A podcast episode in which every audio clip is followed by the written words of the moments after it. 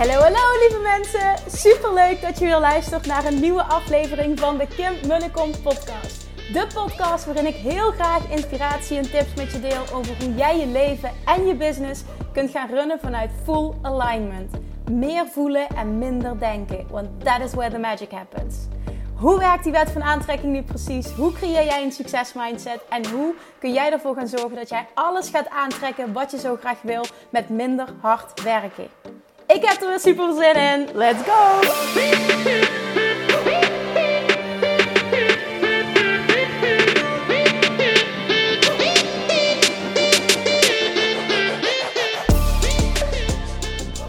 Hallo, hallo, hallo. Welkom bij weer een nieuwe aflevering van de allerleukste podcast van Nederland. Oké, nu word ik arrogant. Sorry, dat neem ik terug. Hopelijk staat die wel bij je in de top 10. dat zou fantastisch zijn. Jongens, het is een, uh, een lekker weekje. Ik, uh, ik neem deze podcast nu op, of deze intro in ieder geval neem ik op. Nadat ik net uh, een pakketje heb ontvangen van, van Chiclo's. Een superleuke winkel is dat uit Remond, maar ze hebben ook een online shop. En ik heb met hen een, een hele leuke samenwerkingsverband. En afgelopen zondag uh, dacht ik, oh, het, het, irriteert me zo dat ik, dat ik geen leuke kleren meer heb om aan te doen. Dus ik had mezelf getrakteerd op een aantal leuke dingen. en net deed ik een unboxing en ben ik die in mijn stories gaan plaatsen. En ik merk dat ik het, dat ik het wat lastig vind nu ik, ja, nu ik, nu ik zo verander qua lichaam. Hè, dat er best wel, ben ik nu 33,5 week zwanger, dat mijn, mijn lichaam verandert best wel. En in de winter ging dat allemaal prima. En ik kon een wijde trui aan en ik kon een beetje. Hè, ik, had, ja, ik had er niet zoveel last van. Maar nu merk ik dat totaal niks meer past qua kleding. En, en natuurlijk kan ik op positiekleding gaan kopen. Maar ja, dan denk ik, hè, het is nog maar een paar weekjes. Tenminste, dat, daar ga ik vanuit.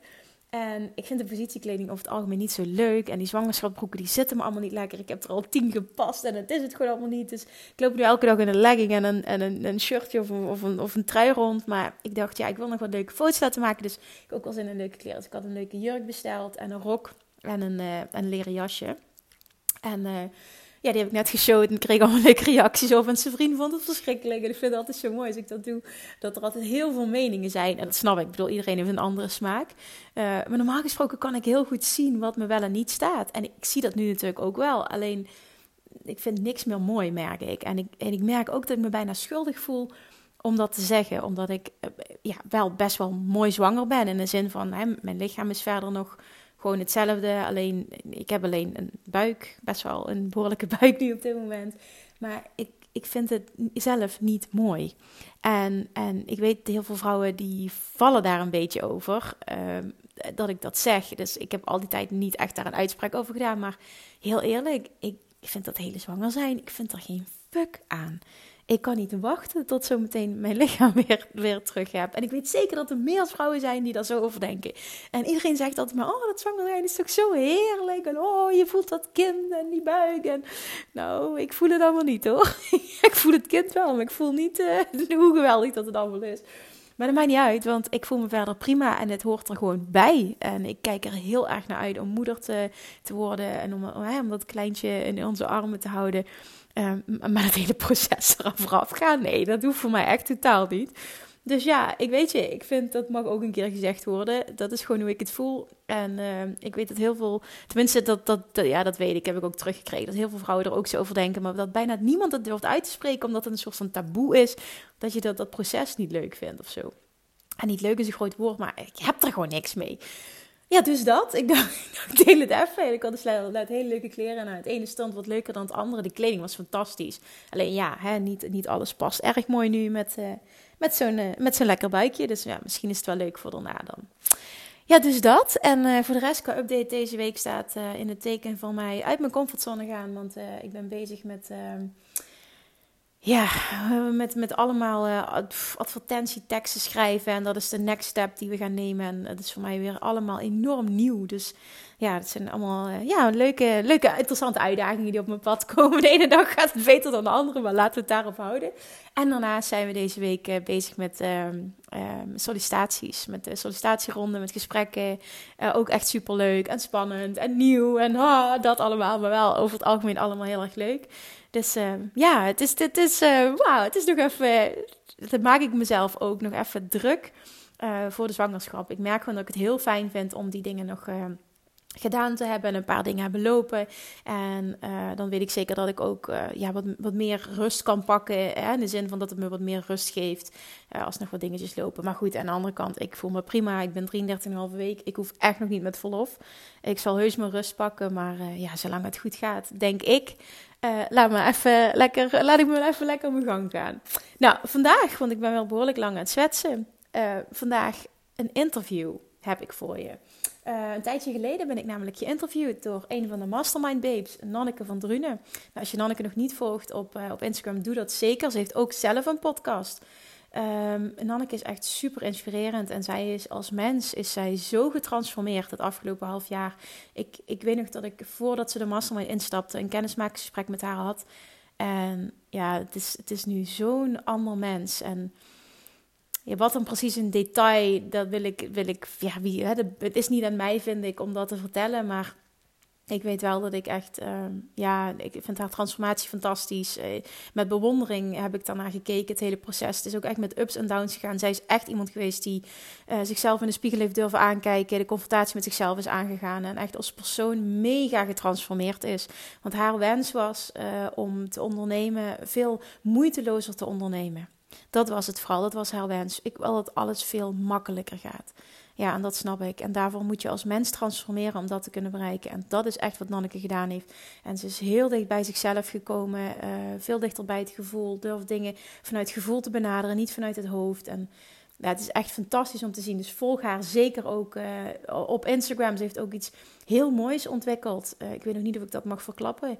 Of dat ze dat. Ja, ze heeft er al iets over gedeeld, dus ik mag dat verklappen. Het heet namelijk Schrijf jezelf beter.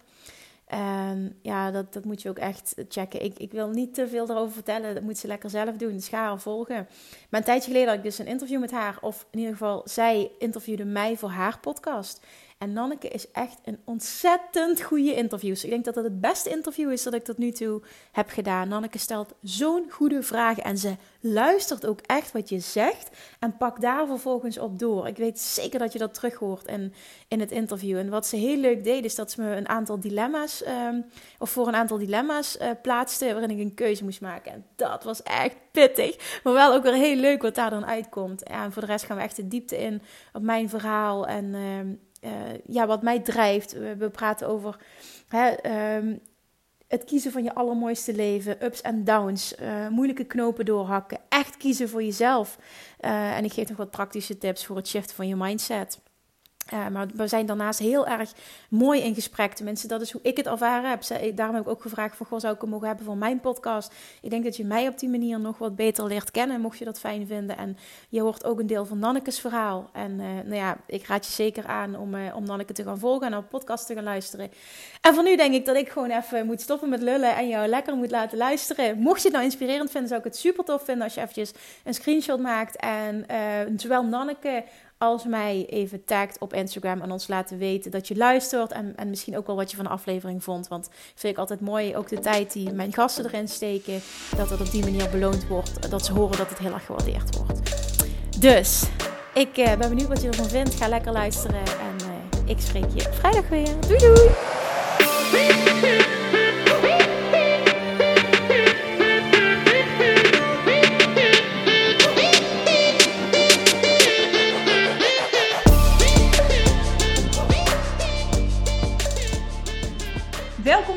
Het Copy en Content Café. En dit keer heb ik weer een hele bijzondere gast. En dat is Kim Munnekom. Zij is expert op het gebied van LOA, Law of Attraction. Oftewel de wet van de aantrekking in het Nederlands. En zij is business coach. En op dit moment volg ik, of zit ik bij haar in de mastermind. En um, ja, ik heb Kim gevraagd of dat zij te gast wilde zijn in het Copy Content Café, zodat ik haar de hemd van het lijf kan vragen. En Kim was zo aardig en sportief om daar ja tegen te zeggen. Kim, welkom in het Content Café.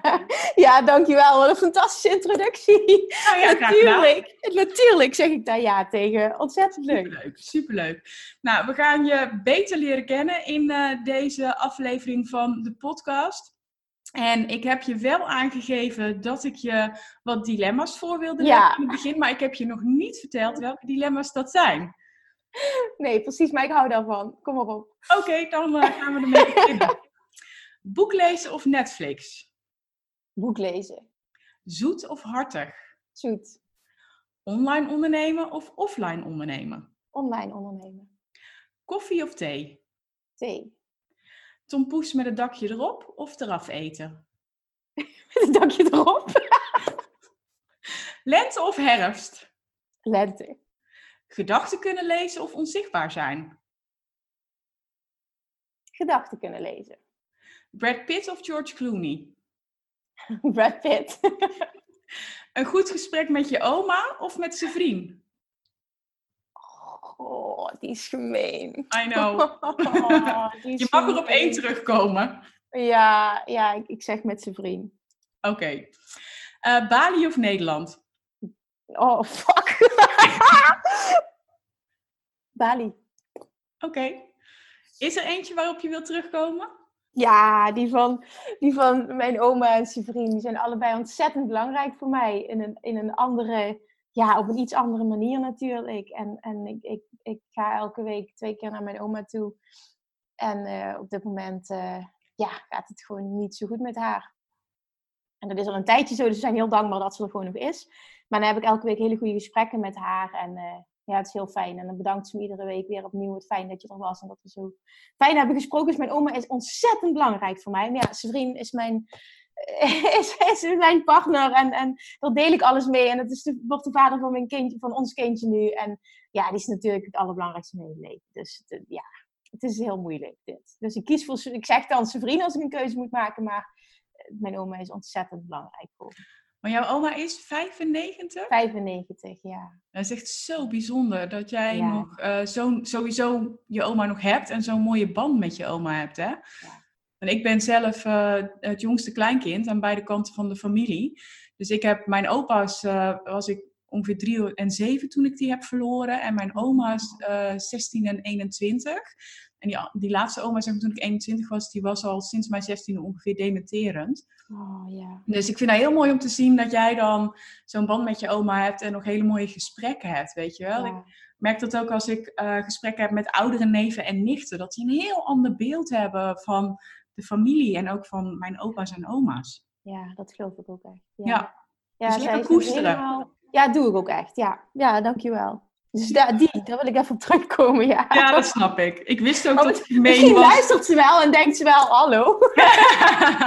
ik wist ook dat hij gemeen was toen ik hem stelde. Ja. Maar moet natuurlijk wel een dilemma zijn. Tuurlijk, tuurlijk. Ja. Ja. Ehm, we hebben het ook over gehad, eh, Netflix of eh, eh, boeken. Ik weet dat jij heel graag boeken leest. ja, vooral boeken luisteren. Oké, Dat is het vooral. Ik luister vooral boeken en, en op het moment dat ik een boek goed vind, dan bestel ik de, eh, de papieren versie ervan. En dan ga ik het nog een keer doornemen. En dan, eh, dan doe ik alles onderstrepen, zeg maar. Nee, maar dan, eh, dan, dan kan ik het echt beter in me opnemen. Dus ik doe altijd eerst eh, de, de audioversie luisteren. En op het moment dat dat, dat dat echt iets is waarvan ik denk, oh, hier wil ik dieper induiken, dan bestel ik het, de papieren versie. Dus echt het boek, het fysieke boek. En dan ga ik daar eh, aantekeningen maken, onderstrepen. En vaak lees ik het dan ook meer dan één keer. Waardoor het echt blijft hangen en het niet... Ja, een soort van studie wordt het dan in plaats van enkel lezen. en is er eentje die echt favoriet is? Eh, ja, ik, inderdaad, ik ben gek op boeken. Maar eentje die favoriet is, is de wet van aantrekking van Esther en Jerry Hicks. En waarom dat boek? Ja, dat dat voor mij persoonlijk levenstransformerend is geweest. Dat, eh, dat boek heb ik ooit ehm, gekocht zelf. Naar aanleiding van ehm, het zien van de film The Secret. En toen was ik helemaal gefascineerd door die film. En toen heb ik ook dat boek gekocht, The Secret. En toen wilde ik daar meer over, over leren. En toen kwam ik uit bij dat boek. Maar dan heb ik het echt over, echt heel lang geleden. Dan, dan praten we over tussen de 10 en de 15 jaar terug. Heb ik dat, denk tien jaar geleden, dat boek ooit besteld. En, en toen, toen, ik weet nog dat ik dat opensloeg. En dat het alleen maar ging over, ehm, ja, hoe noem je dat? Ehm, dat, dat, dat zij een soort van kon communiceren met een andere. En, ja, dat, en, ik had echt zoiets, holy shit, dit is echt eventjes voor mij nu een stapje te ver. Dus ik heb ook ik denk dat ik niet verder dan de eerste paar bladzijden ben gegaan. En echt dacht, wat is dit voor, voor onzin? En toen heb ik het dicht uh, gemaakt weer, dichtgeslagen. En jaren later, en dan, dan heb ik het echt over, ja, ik, ik denk zeven, acht jaar later, kwam dat op mijn pad, omdat ik vast zat zelf in mijn leven. En ik weet niet hoe dat ik toen ervoor, dat moment nog, waarom pak ik dat boek op, weet ik niet. Maar dat stond in de boekenkast en ik ben dat gaan lezen en dat klikte helemaal op dat moment. Dat was precies wat ik nodig had om een, een transformatie te maken van vastzitten naar uh, dingen op een hele andere manier gaan bekijken en gaan benaderen. En dat fascineerde mij zo, dat heb ik nog nooit met een boek gehad. Dat het voor mij echt een, een hele andere wereld openging, zo voelde dat. En, en toen, dat ben ik toen echt gaan bestuderen. Ik denk dat ik dat boek al vijf keer gelezen heb of zo. Dat is helemaal uh, gemarkeerd, alles. Ja, dat, is, dat, is, dat boek is echt... Oh, ja, en vanuit daar... hij al uit elkaar, of niet? Ja, dat nog net niet. Nee, daar moet ik iets meer mijn best voor doen. Maar, maar ja, dat boek dus. Ja.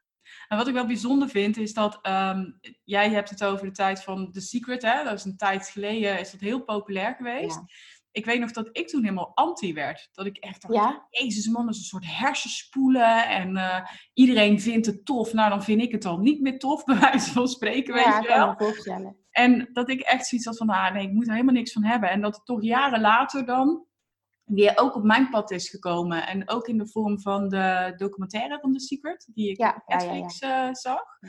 En um, dat heeft het eigenlijk ook wel weer bij mij, zeg maar, op mijn, op mijn pad gebracht. Maar toen was jij ook in een andere fase in je leven, wat, waardoor je er anders in stond natuurlijk. Hè? ja, absoluut. Hmm. Absoluut. Ja, dus dat heeft bij mij gewoon uh, iets meer jaren nodig gehad dan bij jou om weer terug op mijn pad nee, te ja, komen. Ja. ja. Maar dan is dat zo, weet je. Dus ja. dat, is, uh, dat is helemaal prima. Maar uh, ja, ik heb hem inmiddels ook gelezen. Um, en ik moest inderdaad ook wel even wennen aan het feit wat zij zegt namens een hele groep entiteiten, zeg maar spirits, te communiceren.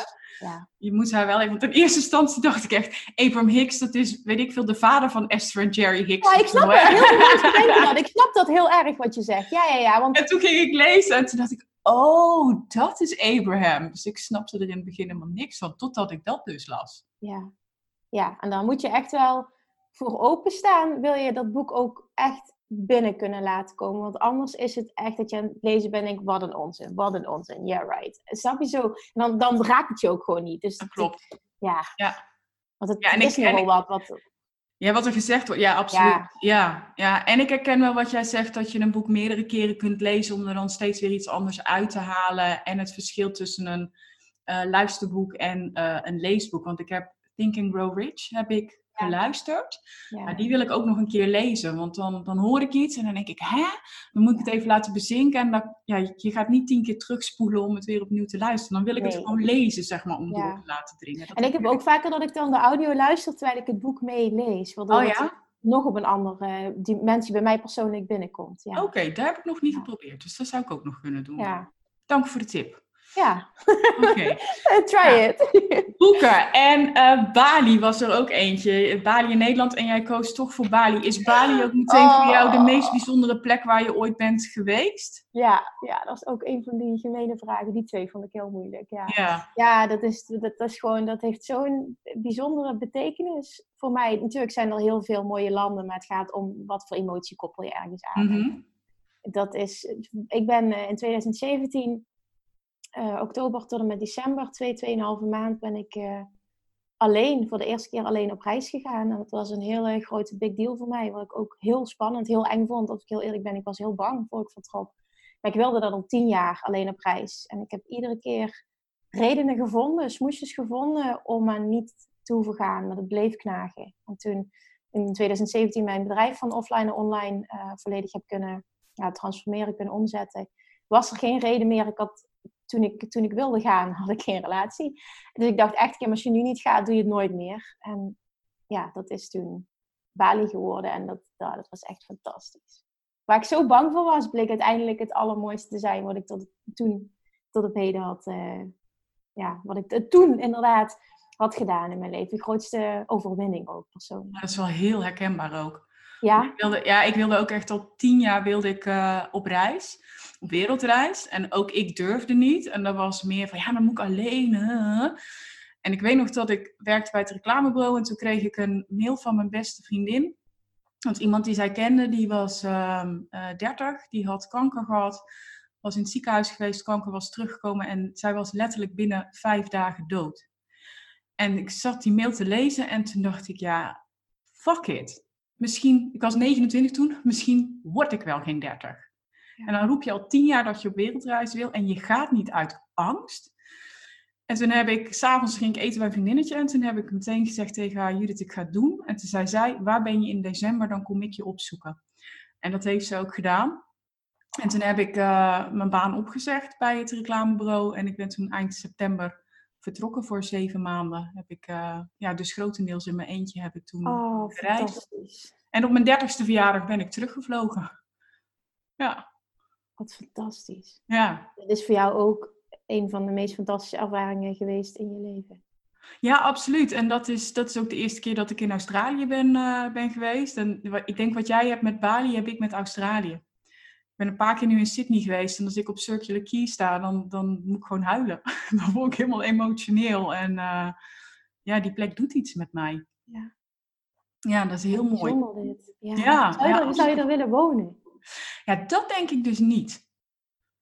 Ik wil zeg nooit nooit, hè, maar ik, ik vind Nederland wel heel erg fijn om te wonen. Mm um, maar ik vind Australië ook wel heel erg fijn om, om te zijn.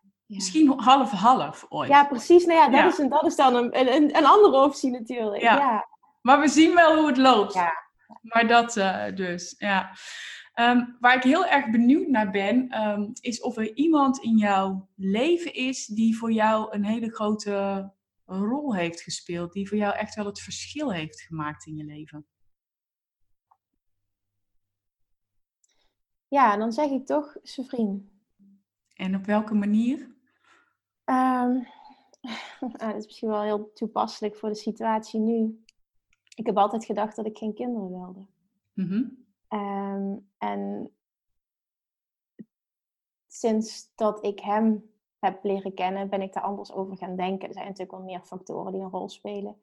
Voor mijn nichtjes die toen geboren werden, waardoor er iets in mij getriggerd werd. Maar dat ik voor het eerst een relatie ervaarde waarin ik zo mezelf kon zijn en waarin wij zo matchten, ook al zijn we anders. Um, dat ik echt dacht, oké, met jou kan ik dit voor me zien. En dat was voor mij een hele, ja, het was een heel groot omslagpunt. Dat was echt een hele grote verandering. Maar ik kan me voorstellen dat dat niet van gisteren op vandaag is geweest. Dat het ook een proces is waar ja. je ging voelen van oké, okay, misschien sta ik daar toch wel anders in. Ja, klopt. Het, het is vooral dat ik altijd de waarheid had. Het is allemaal voor of Attraction dat ik me daar heb in verdiept. Ik had de waarheid gecreëerd. Ja, ik en mannen, ik en relaties langdurig, dat uh, het gaat gewoon niet worden. Dat ben ik gewoon niet voor gemaakt. En ik ben te moeilijk. Een man houdt het niet met mij uit. Ik ben heel snel verveeld. En ik weet niet wat ik daar allemaal omheen had gecreëerd, wat dus ook continu zich manifesteerde. Dus dat was iedere keer opnieuw mijn realiteit. En dan wordt het weer bevestigd. Zie je wel, zie je wel. En dat, dat, dat, dat bleef maar. En, oh, ja, hoe zijn vrienden en ik elkaar ontmoet hebben, is, is ook daarin heel bijzonder. Want ik zou dus zes maanden naar Australië gaan. Ik zou eigenlijk niet naar Bali gaan, ik zou naar Australië gaan. En ik had uh, dat al gepland. Ik zou bij een gastgezin als au pair ook een tijdje gaan werken. Dat had ik allemaal al geregeld. Ik had gezin al. En uh, toen kwam ik, uh, een maand later kwam ik zijn vriend tegen. En mijn intentie was totaal niet om een serieuze relatie met hem aan te gaan. Ik weet nog dat hij de eerste keer dat we hadden afgesproken, het was inderdaad heel gezellig, dat ik op het einde zei, ik ga toch naar Australië. En dat hij toen zei, dat zullen we nog wel eens zien. En ik dacht, ben jij een arrogante zak? en uiteindelijk heeft hij wel verdomme gelijk gekregen. ja, maar je bent wel gegaan, alleen naar Bali. Dus ik ben alleen naar Bali. Ja, precies, precies dat. Ja, want dat, dat was ik aan mezelf verplicht. Dat wilde ik ook per se. Dus ja, dat zou ik voor vriend kiezen, ja. In de zin van per se dat je uh, per se naar het buitenland wilde om die droom te realiseren? Ja, ja. Ik, dat was het gewoon. Ik, ik wist dat dit al een, een groot verlangen was, al tien jaar. En iedere keer heb ik mezelf zo gesaboteerd omdat ik bang was. En heb ik me laten leiden door die angst. En ik wilde niet nu dat ik wist, oké, okay, misschien wordt dit wel wat. En, en ik, ik was ondertussen al 30, 31 uh, ik dacht, nee, ik moet dit nu doen, want ik zie mezelf het anders niet meer doen. Ik moet dit doorzetten, ook al ben ik bang. Want dat, dat wil ik. Dat ga ik altijd spijt van krijgen. En daarom heb ik dit op, in een andere vorm dus doorgezet. Ja, mooi is dat. Hè? Bij mij was het ook grotendeels angst. En ik weet nog dat ik op Schiphol stond. Dat ik afscheid nam van, mijn- van mijn Oh, ouders en zo. En ik stond ja. te huilen. Ja, ik ook. Ik ook. Oh. En, en maar gewoon ook omdat ik het spannend vond, maar ook omdat ik het heel tof vond dat ik dus ging. En, en wat Ja. voor mij ook heel erg heeft geholpen is dat, want ik had natuurlijk tegen iedereen gezegd, ja, ik ga zeven maanden op wereldreis. En dat ik daarmee heel veel druk voor mezelf erop legde. Hè? Van ik mag niet eerder terugkomen dan die zeven maanden, want anders dan heb ik gefaald. En op een gegeven moment heb ik dat omgedraaid en toen heb ik gedacht, nee, als jij überhaupt maar op dat vliegtuig stapt met de intentie, ik ga die wereldreis maken, dan is het al geslaagd. Ja. Hoeveel mensen dromen er niet van, maar doen het niet. En jij gaat het doen. En dan kom je na een maand terug, dan Ja. is het ook oké. En daar leek het ook bijna op, want ik zat in China en mijn eerste maand was met een groepsreis. En ik stond dus op een eh, groepsvisum. En dan moet je natuurlijk niet in China zijn en zeggen: Goh, de hele groep wil naar Nederland vliegen, maar deze ene mevrouw die wil naar Thailand vliegen. En toen zijn we dus echt ergens eh, geweest. En toen zei ze: Ja, maar er zit maar één ding op. U moet gewoon terug naar Nederland vliegen. Dus toen heb ik mijn ouders gemaild en gezegd: "Eh, Het kan zijn dat ik eh, even tijdelijk weer thuis kom, want eh, ze doen een beetje moeilijk in China. En dankzij een gids die ik daar had, nou, die heeft echt, ja, ik snap niet wat ze heeft gezegd, maar die heeft geluld als brugman. En die heeft geregeld dat ik dus gewoon vanuit Peking naar Thailand kon vliegen en de groep naar Nederland. Dus dat was nog even spannend toen. Wauw. Ja. Ja. Oh, maar dat klopt wat jij zei, die druk eraf halen voor jezelf. Ik had dat ook. Als ik binnen een week terug wil, dan is dat oké en heb ik niet gefaald. Zo stond ik er ook in. Precies. En dan, dan, ja, dan hoef je niet te voldoen aan verwachting. Want ik hoefde, mezelf, ik hoefde mezelf ook niks te bewijzen en anderen ook niet. Zo, zo Het was het mijn niet. eigen verwachting, hè? Want ik Ja. vond dat ik gefaald zou hebben als ik, als ik eerder terug zou komen. Ja, ja, ik snap het wel. Ja, hoe stom kun je natuurlijk zijn door jezelf die druk op te leggen. Ja. Maar eh, ja, het- voor mij hielp dat inderdaad ook heel erg om te zeggen, Ja. als ik maar op dat vliegtuig stap, dan is het oké. Want je weet niet hoe het is, hè? En anders verplicht je jezelf om het leuk te vinden. En, en dat hoeft Precies. niet. Ja. En het, en het was ook grotendeels leuk hoor, want ik denk dat ik twee momenten heb gehad op die reis dat ik me echt diep ongelukkig heb gevoeld en ook wel eh, deels onveilig heb gevoeld. ja. En ook daar, weet je, mezelf de tijd geven om, om oké, nu is het maar even zo. En ehm, dat weer om kunnen denken. En dan toevallig hele leuke, ja, het is natuurlijk geen toeval, hele leuke mensen tegenkomen. eh, waardoor je weer denkt, oh yes man, dit is weer tof. En ik heb er zin Ja. in, dan gaan we door. En eh, ja, Vond je het hele- niet moeilijk om weer terug te gaan naar Nederland uiteindelijk? Ja en nee. Ehm, wat voor mij hielp ehm, en het ook wel moeilijk maakte toen ik op de terugreis was in Thailand, toen kreeg ik een telefoontje van mijn beste vriendin. Ik zat in Tibet toen zij mij mailde, eh, dus dat was aan het begin van mijn reis, eh, dat ze zwanger was. En eh zij heeft een hele moeilijke zwangerschap gehad, waarvan ze mij niet eens alles heeft verteld, omdat ze wist dat ik anders terug zou komen. En ze wist dat die reis mijn grote droom was. En toen lag ik in Thailand in bed en toen werd ik gebeld door haar. En letterlijk haar eerste woorden waren, je bent te laat. En ik echt zo half in slaap nog, hè, eh, wat? Je- Ik zeg, bedoel je nou dat je al bevallen bent? En toen was zij dus acht weken te vroeg bevallen van haar, van haar dochter. Ehm, dus dat was voor mij wel een extra drive om terug te komen. En vrij kort, ik denk anderhalve weken nadat ik terug ben gekomen, is mijn schoonzus eh, ruim tien weken te vroeg bevallen van mijn neefje. Oh, wauw. En eh, dat waren wel twee gebeurtenissen waardoor ik echt dacht, jeetje, wat ben ik blij dat ik nu in Nederland hier ben. ben. Ja, eh. Voor hun te zijn. En dat was wel meteen heel rauw terugkomen. Ehm, maar ook heel fijn om, om in Nederland te kunnen zijn op dat moment. Ja. Ja. Dus dat zal ook zo hebben moeten zijn. Ja, dat denk ik ook. Ja. Ja, dus ja, dat was. eh, Tuurlijk, je moet, ik- dat zul jij ook ervaren hebben, waarschijnlijk naar Bali. Je moet toch een soort van landen. En ehm, Och, ik ben heel in een zwart gat eh, gevallen. ik ja, dat ik dus niet, maar wel dat ik bijvoorbeeld tegen mijn ouders zei: Hebben jullie nou nieuw bestek? Dat was het natuurlijk helemaal niet, maar dat soort gekke dingen. En dat ik na zeven maanden uit de rugzak leven echt voor mijn kast stond en dacht: oh, Wat een keuze! Ik kan elke dag iets anders aan, weet je wel. Dat was ook Ja. echt zo raar na zeven maanden uit een backpack te leven.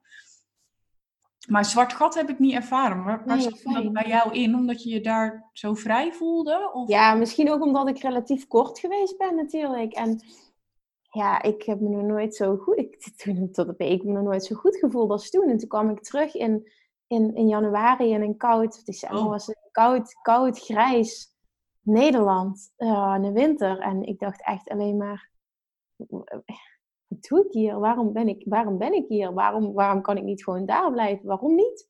Ja. Ja, en dat, uh, dat heeft wel eventjes, uh, ja, nou, ja, het heeft echt een hele tijd geduurd. Ik heb eigenlijk ontzettend last van gehad. Ja, ik heb, ik heb het wel deels gehad, maar ik zeg al deels door wat er gebeurde met die twee uh, geboortes. Ja, snap ik. Ja, was dat voor mij ook wel weer een heel groot tegenwicht. Dat je een reden had om hier te zijn. Ja. Enorm, enorm. Ja.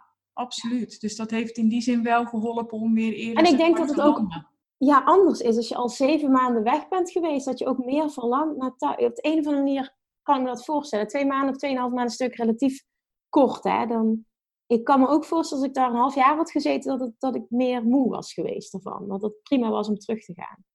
Nou, in die zin had ik nog wel langer willen blijven. Maar wat je wel merkt, en dat klinkt heel stom, want iedereen denkt dat als je aan het reizen bent, dat je, dat je zeven maanden vakantie hebt. Maar dat is helemaal niet. Dus nee, dus heb je ook een break nodig van het reizen of zo. Ja. En um, dat was het ook wel. Ik denk dat ik op dat moment ook wel eraan toe was om even weer wat anders, zeg maar, te hebben. Ja, dus dat, Het, dat het wel klopte op dat moment. Maar ik heb dat ook wel gehad, hè, dat het gewoon wennen was. En dat ik moet nou echt weer een baan gaan zoeken en zo, weet je wel. Dat dat wel...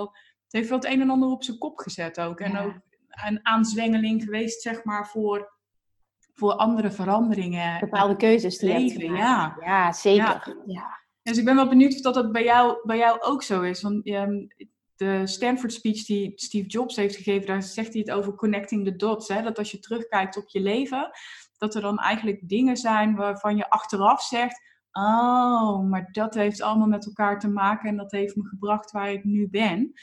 Ja. Als jij naar jouw leven kijkt, wat zijn dan voor jou drie dingen waarvan je zegt, ah ja, achteraf gezien? Um, nou, dat begon uh, nu achteraf bij uh, de scheiding van mijn ouders toen ik, uh, toen ik 16 was. Vond ik op dat moment verschrikkelijk, maar dat heeft me zo ontzettend veel gebracht. Ik ben er ontzettend zelfstandig van geworden in een hele korte tijd. Mm -hmm. het heeft me kwaliteiten opgeleverd waar ik nu enorm profijt van heb als mens, als ondernemer. Um, en toen daarna heb ik heel erg gestruggeld. Het kwam, ja, zoals gevolg van de scheiding heb ik heel erg gestruggeld met mijn gewicht. Heel, heel, heel veel jaren. En uiteindelijk um, is er ook een ochtend geweest dat ik wakker werd en dacht, nu is het klaar.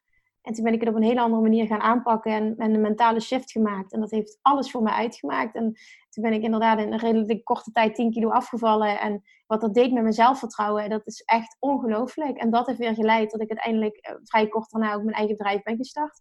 Doordat mensen vroegen, wat ben je aan het doen? En ik ging mensen helpen. En dat ze toen zeiden, ja, waarom ga je er niks mee doen? Je bent er goed in. Toen werd ik gestimuleerd om die stap te zetten. Dus dat is heel waardevol geweest, die ervaring. Ja, en vervolgens dan Bali. Uh, want Bali heeft gemaakt dat ik een shift heb gemaakt uh, in mijn bedrijf. Wat me heel erg heeft, nog steeds, wat me heel erg dient. Waar ik heel blij om ben.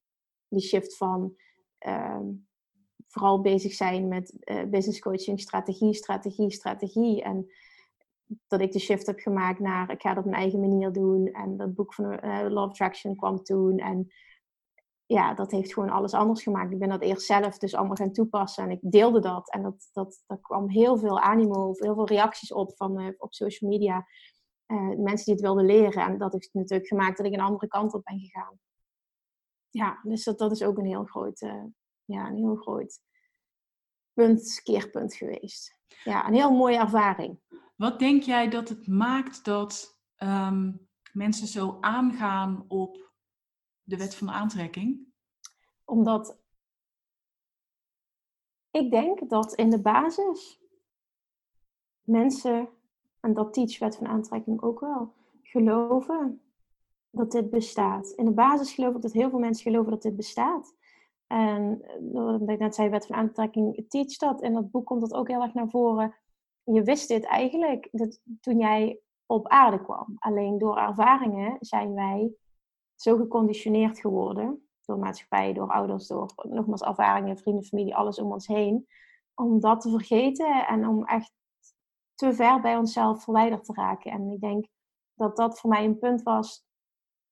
Ehm, dat het zo klikte en dat ik het daardoor ook zo kon overbrengen. Dat, dat ik mensen daarin mee kon nemen. En ehm, dat mensen daar heel veel herkenning in ervaren. Als ik specifiek kijk naar ondernemers. Ik denk dat er heel veel ondernemers zijn die vastlopen op, ehm, ik, ik krijg alleen maar strategieën, uh, ik word helemaal doodgegooid met strategieën en, en wie ben ik nou als ondernemer? Wat past bij mij? Hoe wil ik zijn? Hoe wil ik ondernemen? Hoe wil ik mijn bedrijf runnen?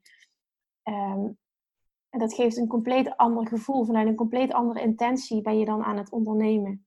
En dat, dat heeft mij heel erg veel gebracht. En ja, ik, ik zag dat ik, dat ik dat ging delen, dat het heel veel mensen aansprak. Omdat ik dus heb gemerkt dat heel veel ondernemers daarmee worstelen. Te ver bij zichzelf verwijderd raken, waardoor het voelt als een struggle, waardoor het niet stroomt en waardoor alles voelt als hard werken. En ik geloof er niet in dat dat the way to go is. Ja, weet je wat wel mooi is? Dat ik, ik ben natuurlijk begonnen als uh, communicatieadviseur en tekstschrijver. Mm. Ik ben ook echt begonnen met, uh, er was een uh, collega op dat moment die zei van, zij was vormgeefster en ze had een grote klus gegeven. Ze zei, Nonneke, je weet dat ik geen projectmanager ben. Als jij nou eens mijn projectmanager wordt. En toen dacht ik, oké, als er één iemand is die mij een opdracht gunt, dan volgen er meer. En in die tijd is het voor mij echt vrij makkelijk gegaan. Ik wist gewoon, dit kan ik, dit lukt, er komt alweer een opdracht. Ja. Tot ik online ben gaan ondernemen. En toen ben ik inderdaad ook in die val getrapt. Dat ik dacht, oké, ik moet leren hoe dit werkt. En welke strategie ik moet hebben en zo. En dat ik dan ook heel braaf doe wat de juf zeg maar zegt. En dat ik daar ook enorm op vastgelopen ben. Dat ik echt dacht, ja, maar ik, ik vind helemaal geen zak aan. En dit had leuk moeten zijn en vrijheid moeten opleveren. En ik vind er geen reet aan. Ja, nou zet ik het even heel zwart-wit Nee, maar het is wel, ik snap het gevoel helemaal. Ik herken het. Ja. ja, en als ik terugkijk, dan denk ik, ja, ik heb er superveel van geleerd.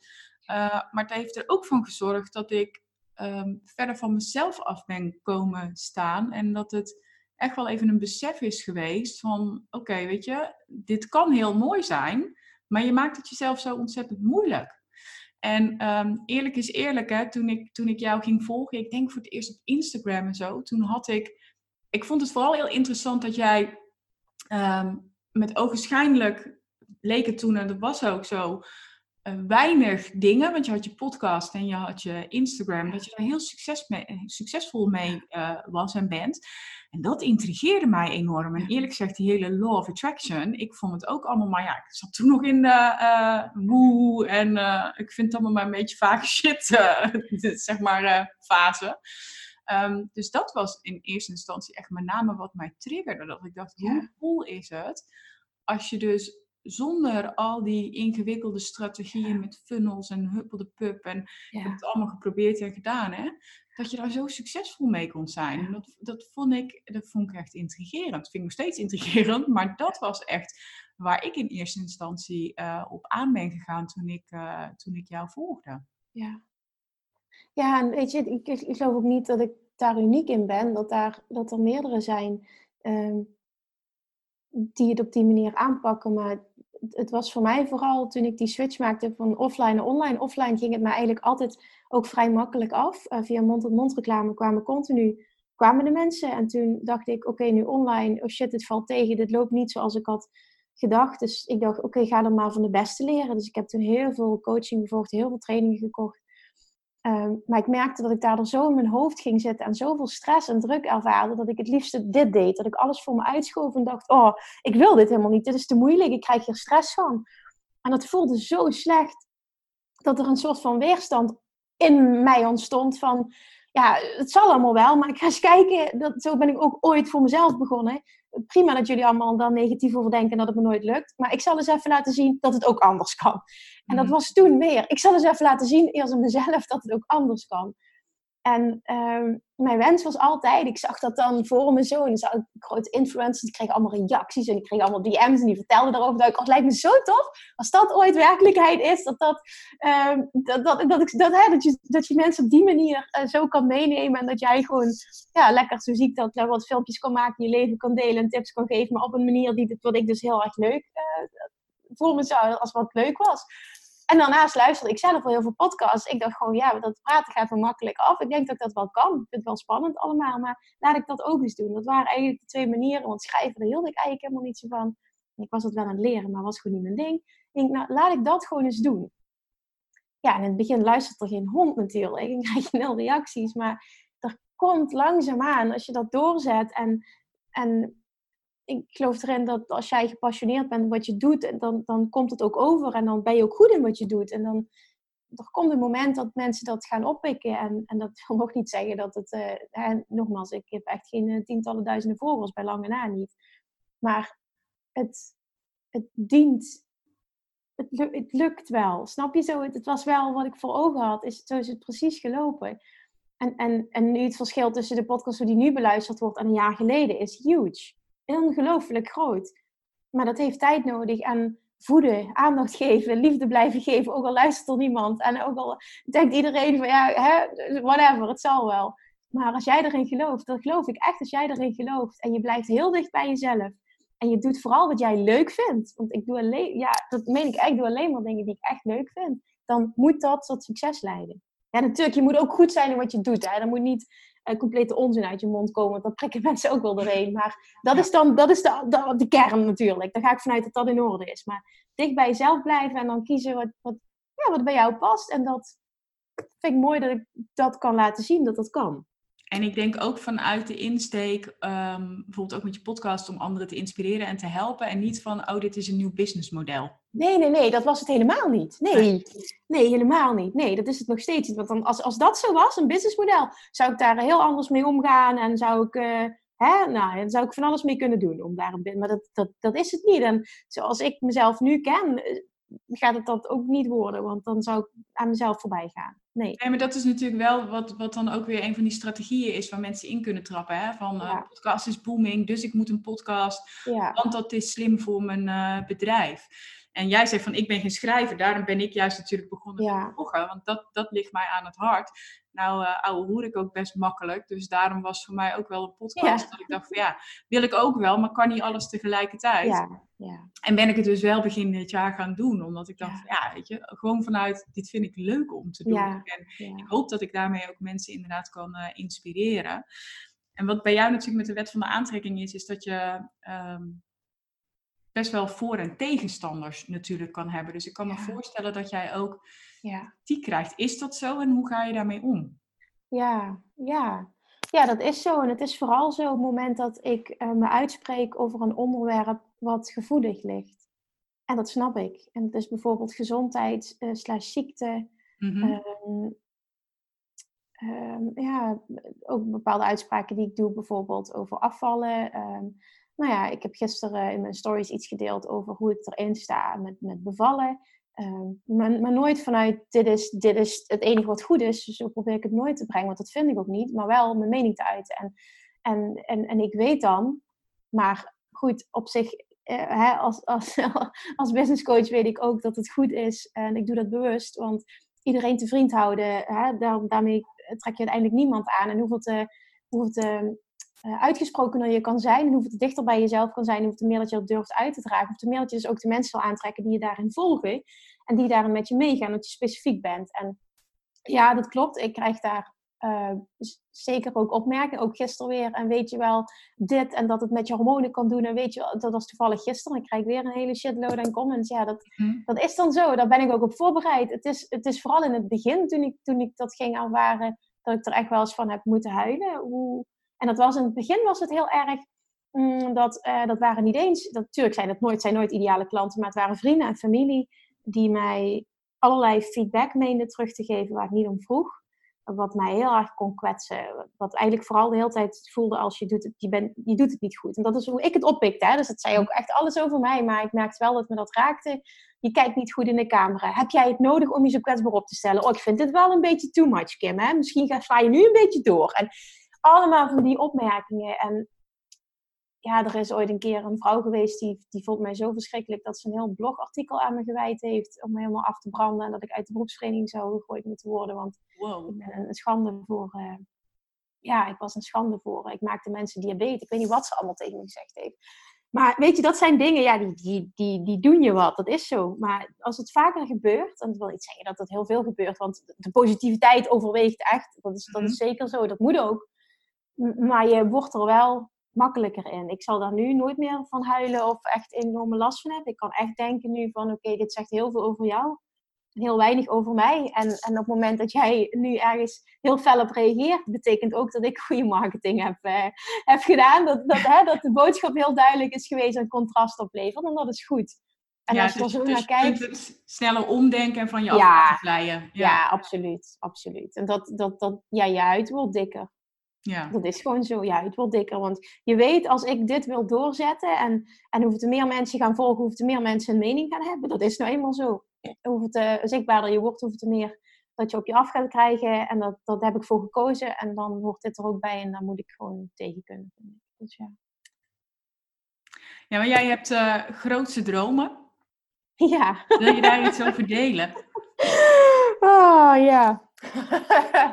ja, ik heb grootste dromen in die zin dat ik eh, nog heel sterk de wens heb om ehm, eh, dit ook internationaal te maken. Dus een, eh, ik wil heel graag ook een, een, internation- een Engelse podcast starten. En ehm, ja, hetgene wat ik nu doe ook in het, in het, in het Engels ga doen. En ehm, ja, op, op, op nog een grotere schaal. Dus, dus wereldwijd op deze manier mensen inspireren om anders te gaan leven en om hun mooiste leven te gaan leiden. En om dicht bij zichzelf te blijven en een business te runnen op die manier. En wat je dat kan opleveren. Dat, ik word daar heel blij van als ik daaraan denk. En dat, dat, dat heeft enerzijds dat ik het gewoon gaaf vind om zo'n impact te kunnen maken. En dat gaat over mij en mijn ego. En aan de andere kant is het vooral gedreven door... Nederland is best wel klein als je het zo bekijkt. En je voelt dat je een missie hebt en je heel graag iets wil doen. En, en zoveel mogelijk mensen wil helpen. Mhm. Dan voelt dat als een volgende stap. Jij komt over het algemeen heel positief en sterk over. Heeft Kim Munnekom nog belemmerende overtuigingen voor zichzelf? Eh, ja. ja, zeker. Wil je er eentje delen? Ja. Ehm, nu op dit moment ehm, heb ik met momenten best wel angst bijvoorbeeld voor de bevalling. Mhm.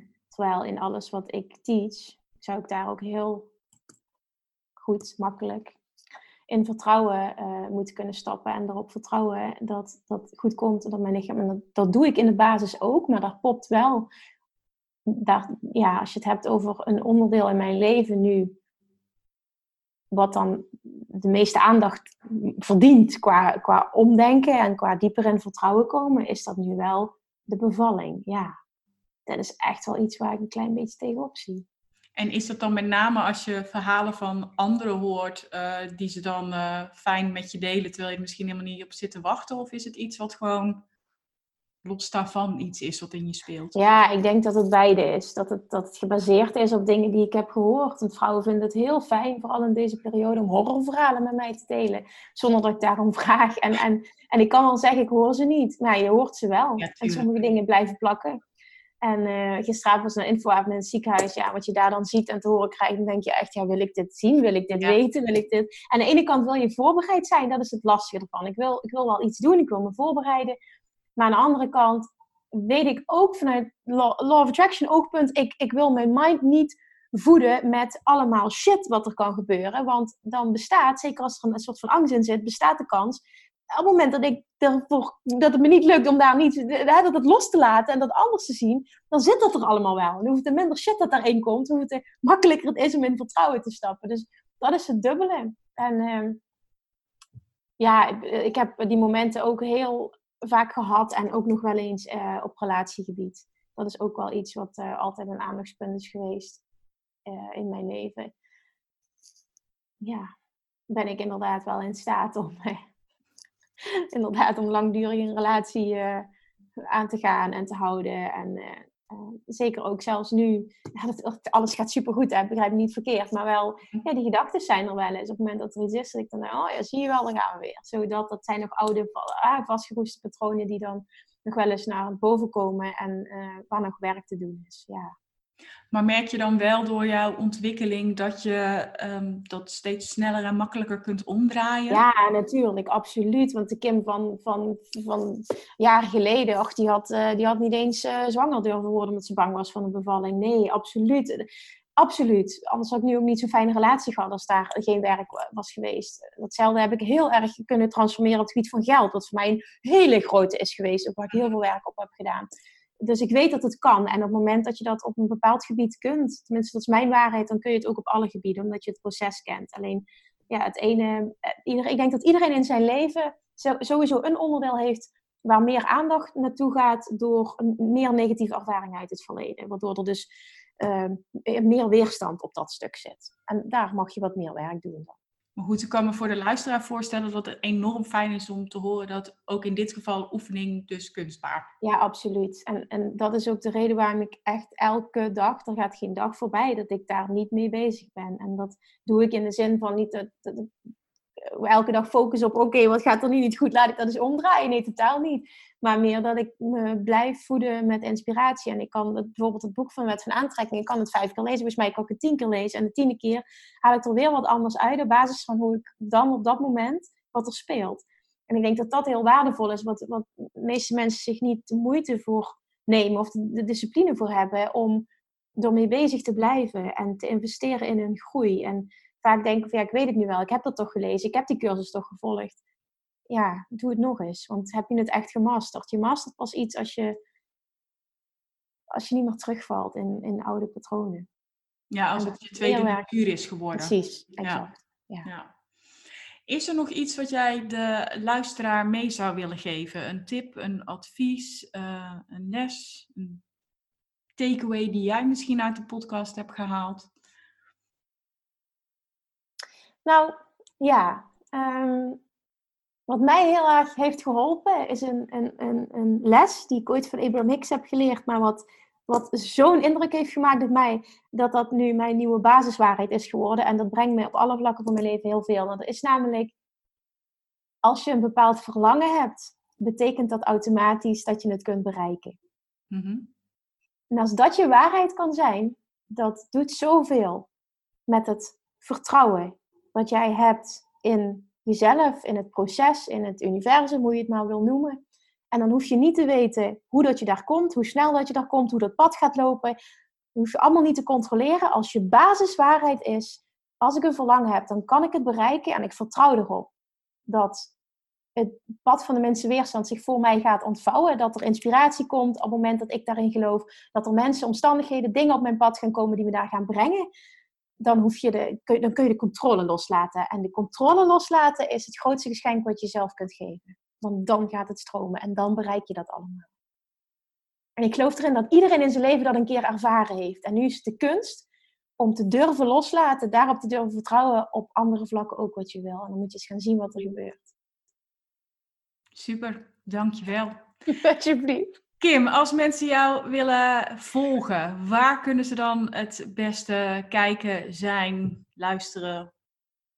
Uh, nou ja, dan is het makkelijkste wat we net benoemd hebben. Uh, ga de podcast luisteren, de Kim Munnekom podcast. Als je geïnteresseerd bent in wet van aantrekking, mindset shiften, uh, ondernemerschap, dat. En anders volg me ook, ik leuk, op Instagram. At Kim. Super. Dankjewel Kim voor jouw tijd en je openhartigheid in de podcast. En luisteraars, jullie weer bedankt voor het luisteren naar een nieuwe aflevering van het Copy en Content Café.